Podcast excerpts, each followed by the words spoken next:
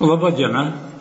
Esu Stasys Karadžė, Mokslo akademijos akademikas emeritas. Kalbėsim apie miškų mokslus. Dabar kalbam apie šengirės, bet nesusitarime dėl termino, kas yra ta šengirė. Kas yra? Jeigu, jeigu supras šengirę kaip tokį seną, gražų mišką, tai be abejo visai visuomenė tai bus patrauklu. Bet toli gražu rezervatinis režimas šitą iš, ne iš karto padarys, bet ten bus tokio bent jau mėgstančio harmonijos žmogaus sakė, tikrai nebus patrauklu. Ir dabartinis medinas nemažai medinių eglynų užrus. Ten bus kuriam laikui pasidarys tokia, na, laužynas, krūmynai, na, atsistatys per tiek tą laiką, kaip, kad, kad kad reikia nieko nedarykim, gamta sutvarkys. Taip, sutvarkys prieš šimtmečius. Taip, kad rezervatinis režimas ten toli gražu neišsaugoja. Mokslo tyrimų reikia dabar, rezervatų reikia mokslo tyrimų. Tam, kad mes galėtum vykdyti tą gamtai artimą miškūkį. Yra nu, dvi tokios nuomonės. Vienas, sakysim, pusę miškų, nu, atimtim pusę miškų, palikim rezervatais, o kitą pusę, darykim ten plantacijos, kur ten bus ne, gamtos, galima sakyti, nebebus, bus tik tai pramonė. Kita versija yra tokia, kad vis, visą miškų ūkį, darykim, artimą gamtai, ūkinis pirmas darykim artimai gamtai ir tada tu labai griežtą režimą nereikės daug. Bet tam, kad padaryti būtent šitokią ūkį, tai reikia tyrimų. Va šitie rezervatai, kurie yra kur reikia, sakysim, kaip tik turi pasitarnauti tyrimam, gamtos dėsnių atskleidimui, kad suformuoti principus gamtai artimą miškų vedimui. Tai jeigu tai procentais įvardinti, kiek mes turėtume turėti tų rezervatų ir kiek miškų, kurių medieną galime naudoti?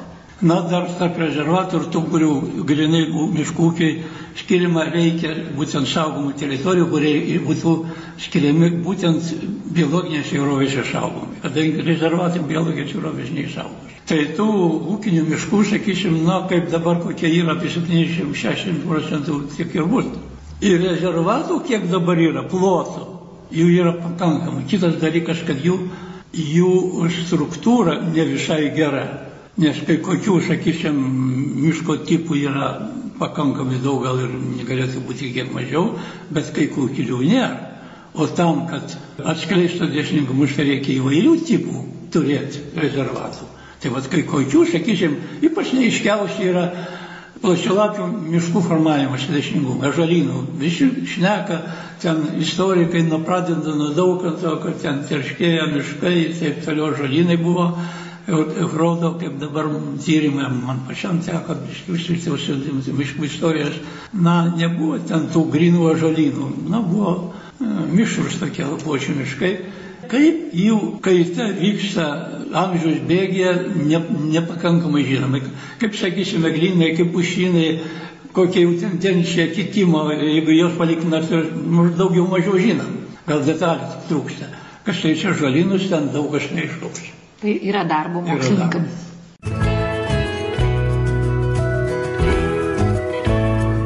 Miškų mokslas viena iš taikomai mokslo šakų atsiradęs iš reikalo tausoti miškus, kai Europoje vystantis kalnakasybos ir metalurgijos pramoniai, intensyviai naudojančią medieną kilo pavojus netekti šio energijos šaltinio.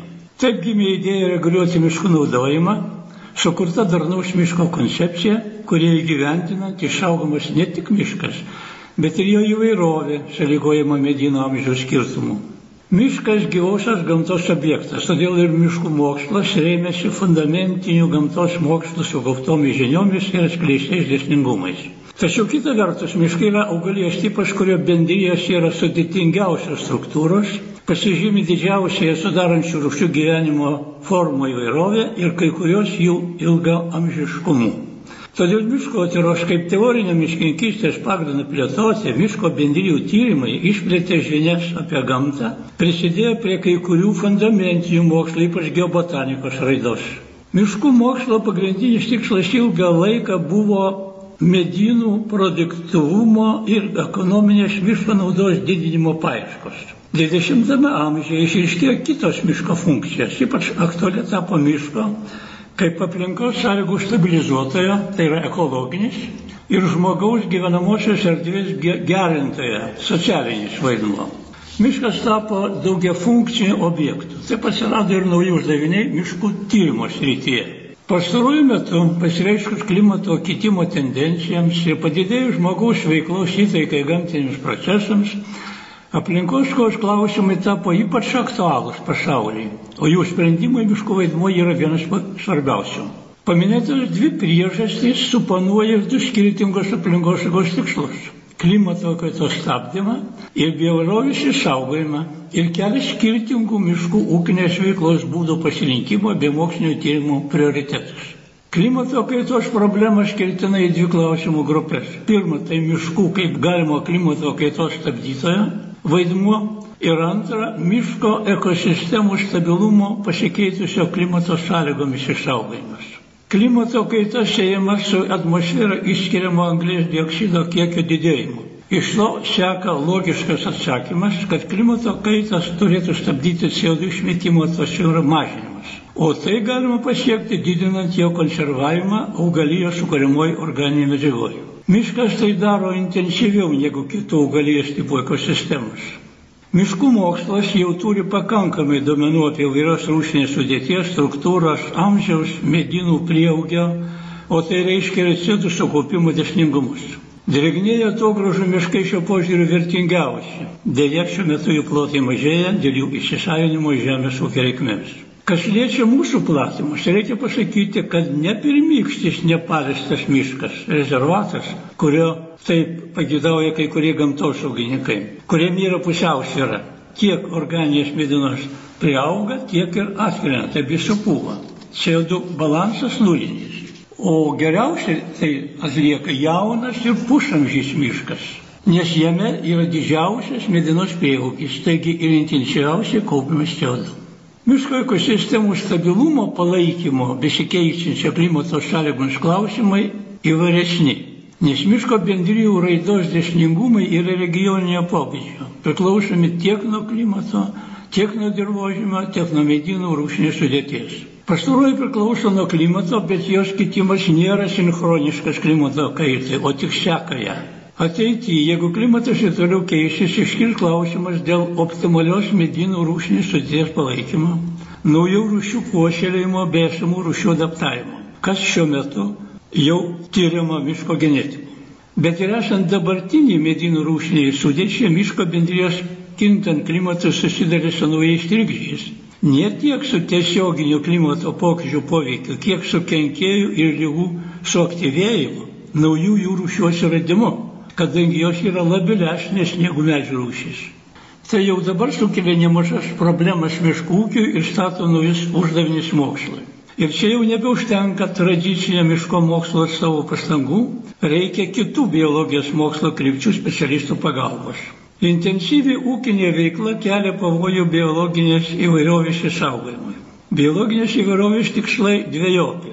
Meso ekosistemos, tai yra arba biogecenozės, tai yra atskiro miško sklypo lygmenį. Bioįvairovė reikalinga kaip šios ekosistemos stabilumo didintoje. Šios krypties tyrimai apima miško bendrijų struktūros, jos skaitų klausimais yra vieni iš svarbesnių miškotyros uždavinių.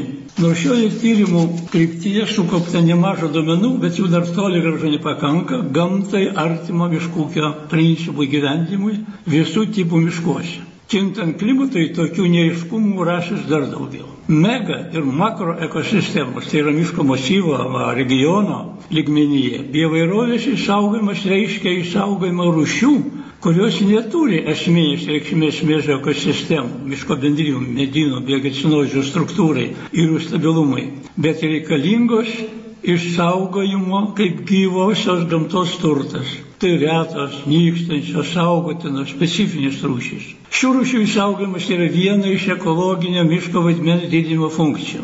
Šios funkcijos įgyvendimas kartais gali nesutapti arba būti net priešingas ekonominės ar socialinės miškų funkcijos tikslams.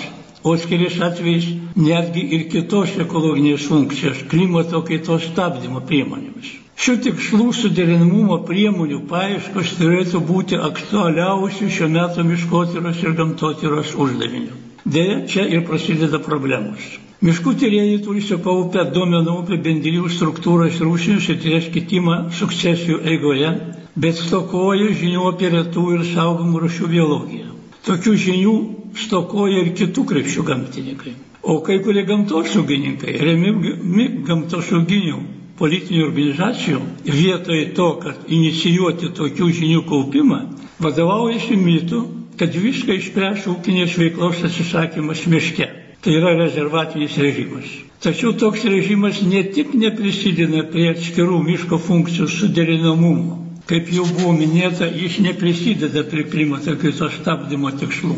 Bet miškų tyriejų turimais duomenimis menkai tai prisideda ir prie biologinės įvairovės išsaugojimo. Rezervatinių miškų reikia, pagėdautina, kad juose būtų visų miško tipų medynų. Jie pasitarnautų kaip natūralių miškų pavyzdžiai gamtosauginiam švietimui, pažintiniai rekreacijai ir moksliniams tyrimams, reikalingiems tam, kad suformuoti gamtai artimo miškų ūkio principus. Tačiau biologinės įvairovės išsaugojimo problemos rezervatai neišspręs.